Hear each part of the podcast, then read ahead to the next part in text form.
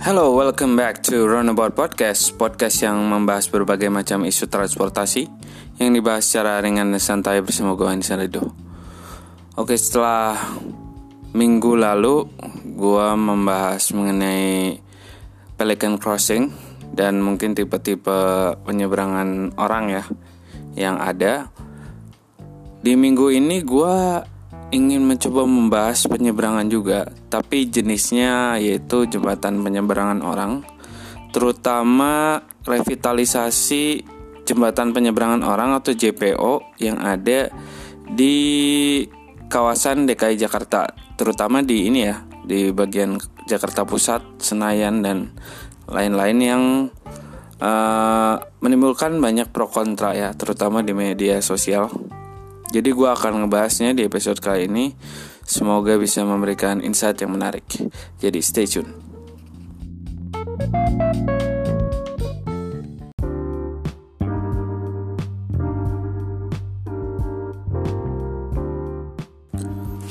Oke, jadi di episode kali ini gue akan ngebahas mengenai jembatan penyeberangan orang yang direvitalisasi di kawasan Senayan atau Gelora Bung Karno yang menimbulkan banyak perbincangan ya, terutama di media sosial. Jadi bagi yang belum tahu mengenai revitalisasi JPO ini, jadi eh, Pemprov DKI itu belum lama ini eh, meresmikan eh, JPO yang telah direnovasi menjadi sangat cantik mungkin ya. Mungkin orang-orang media sosial bilangnya Instagram Instagramable ya Instagramable. Jadi uh, banyak orang yang melihat bahwa desainnya sangat bagus artinya sangat futuristik dan sangat kekinian.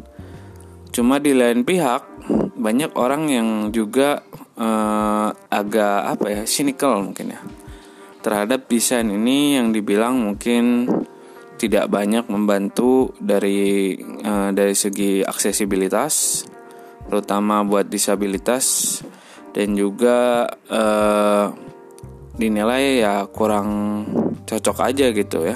Terutama karena mungkin dari sisi fungsinya juga tidak membantu banyak. Toh ternyata banyak juga orang yang masih nyebrang asal gitu ya. Jadi gue akan mencoba membreakdown. Sebenarnya kenapa sih eh, JPO ini tuh sebenarnya ya bisa dibilang menjadi salah satu alternatif juga gitu. Tapi apakah orang Indonesia ini uh, cukup mampu atau tidak gitu untuk memanfaatkan JPO ini gitu. Dan gue baca mungkin uh, satu atau dua paper yang menjelaskan mengenai ini ya footbridge atau uh, pedestrian crossing yang tipenya jembatan. Jadi memang uh, setelah gue baca beberapa paper ini, mereka memang memberikan kesimpulan bahwa uh, memang ada sebagian orang yang tidak berminat atau menggunakan jembatan penyeberangan orang atau JPO dikarenakan beberapa hal. Faktor yang pertama adalah uh, adanya alternatif lain. Artinya mungkin nggak jauh mungkin sekitar 2 atau 3 menit dari situ ada penyeberangan yang lain ya yang tidak berbentuknya jembatan. Misalnya ada pelikan crossing atau lain-lain. Terus yang kedua itu dari desainnya sendiri. Apakah desainnya itu cukup ramah terhadap orang pejalan kaki? Ini masih pejalan kaki normal ya. Belum kita membahas mengenai orang dengan disabilitas gitu. Lalu yang ketiga itu dari segi uh, keamanan yang sering kali menjadi uh, apa ya? Mungkin poin terakhir ya. Karena keamanan itu bisa mencakup dari segi uh, bagaimana uh, lingkungan sosial di sana, misalnya banyak pemulung kah atau banyak orang yang uh, tidak bertanggung jawab ya gitu.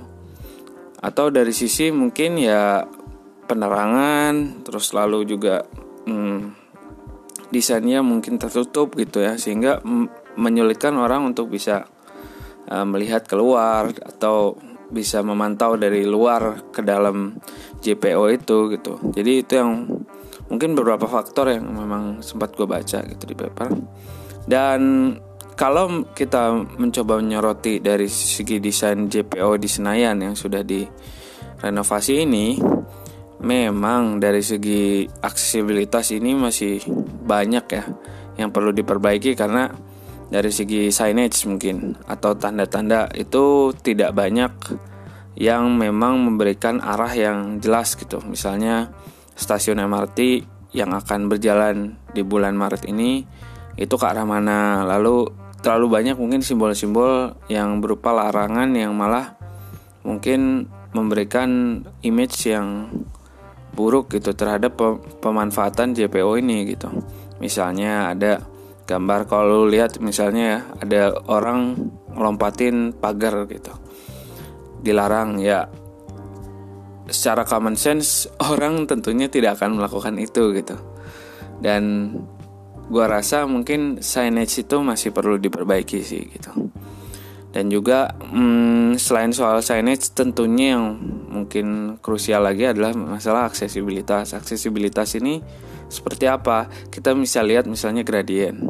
Gradien itu kemiringan dari rem atau uh, undakan lah ya atau tanjakan menuju jembatan itu apakah mudah diakses atau tidak gitu setelah direvitalisasi ini tentunya ada perubahan kan? Mungkin gue melihat uh, cukup ada perbaikan gradien tapi apakah ini bakal menjadi uh, apa ya hal yang uh, cocok gitu untuk digunakan untuk disabilitas? Gue belum bisa ngomong karena dari gue belum pernah maksudnya mengukur secara langsung ya berapa mungkin berapa derajat uh, kemiringannya tapi yang gue lihat mungkin dari beberapa uh, orang yang pernah ke sana dan juga mungkin uh, nge-tweet ya bahwa memang aksesibilitasnya dari segi uh, rem itu uh, mungkin kurang bagus ya. Artinya masih kurang ramah dengan disabilitas. Itu yang mungkin menjadi poin penting ya. Jadi dua hal tadi soal uh, aksesibilitas dan juga tadi soal uh, desain dari signage itu gitu. Dan gue akan ngebahas di uh, segmen selanjutnya gimana sih kita sebenarnya bisa memanfaatkan dari jembatan penyeberangan orang ini juga bagaimana kita bisa apa ya mencoba uh, mengapresiasi apa yang sudah dilakukan pemerintah tapi tetap saja bisa memberikan kritik membangun terutama di JPO nih. Jadi gue akan bahas di segmen selanjutnya. Jadi stay tune.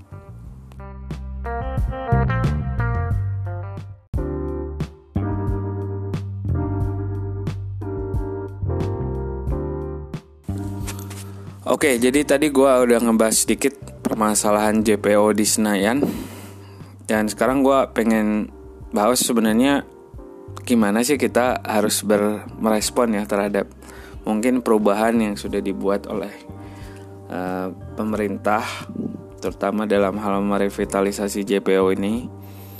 Dan di satu eh, di satu sisi emang gue merasa bahwa pemerintah itu sudah berusaha dengan lebih baik untuk lebih care terutama di di apa ya di sisi aksesibilitas seperti untuk pejalan kaki gue lihat misalnya banyak trotoar yang sudah diperlebar dan lain-lain.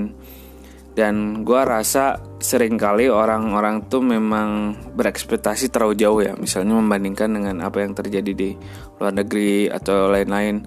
Gue tidak menyalahkan orang-orang yang membandingkan seperti itu.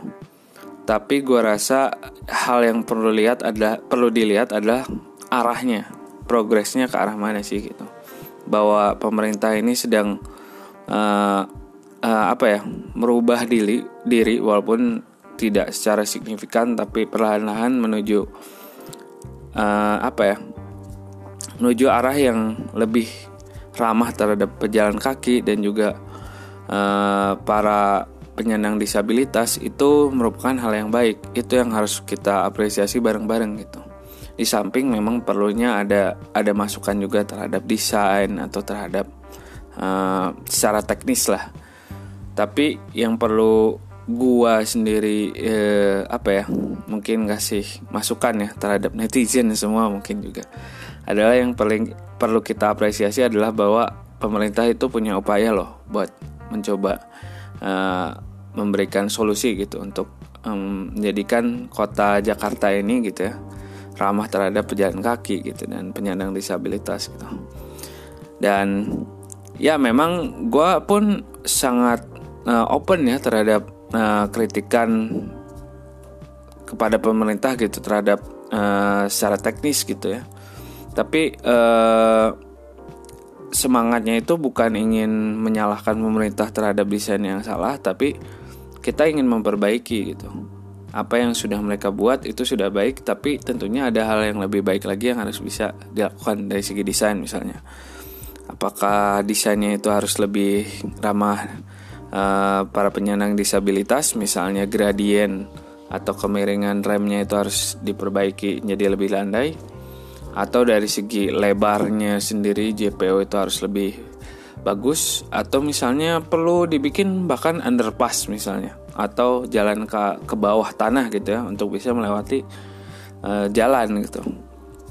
Itu menurut gue harus dikasih terus ya masukan pada pemerintah walaupun kadang-kadang yang gue gedek juga pemerintah mungkin kurang mendengarkan masukan ya. Walaupun sifatnya teknis mungkin lebih teruji tapi ya kadang-kadang mereka pun ya mungkin tidak tidak terlalu open. Tapi gue yang gue apresiasi adalah mereka menuju ke arah sana gitu ke arah yang lebih baik gitu. Jadi itu yang pengen gue soroti ya. Jadi stance gue sih terhadap uh, penyeberangan JPO yang sudah ada di Senayan ini yang sudah direvitalisasi ini adalah ya gue cukup impress dan gue cukup uh, apa ya senang dengan adanya JPO ini. Walaupun memang secara teknis lagi-lagi ya tidak sempurna 100% banyak yang harus diperbaiki gitu. Cuma uh, langkah pemerintah ini gue cukup apresiasi dan gue harap banyak perbaikan ke depannya mungkin di JPO yang lain mungkin di tempat lain seperti di daerah Medan Merdeka gitu ya yang mungkin banyak yang rusak dan lain-lain. Nah ini mungkin perlu menjadi eh, PR ya buat pemerintah dan juga kita sendiri sebagai warga negara yang memberikan masukan dan kritik dan juga banyak perbaikan ya. Jadi mungkin itu dulu. Semoga episode kali ini bisa ngasih insight. Gua di sini hanya sharing saja, tidak menggurui dan tidak memberikan wejangan khusus. Jadi uh, gua harap lu bisa mengambil intisari yang baik gitu. Jadi thank you bagi yang sudah mendengarkan episode ini dan episode sebelumnya. Uh, nantikan episode uh, roundabout yang lebih seru dan lebih menarik. Oke, okay? jadi thank you sekali lagi dan have a nice day.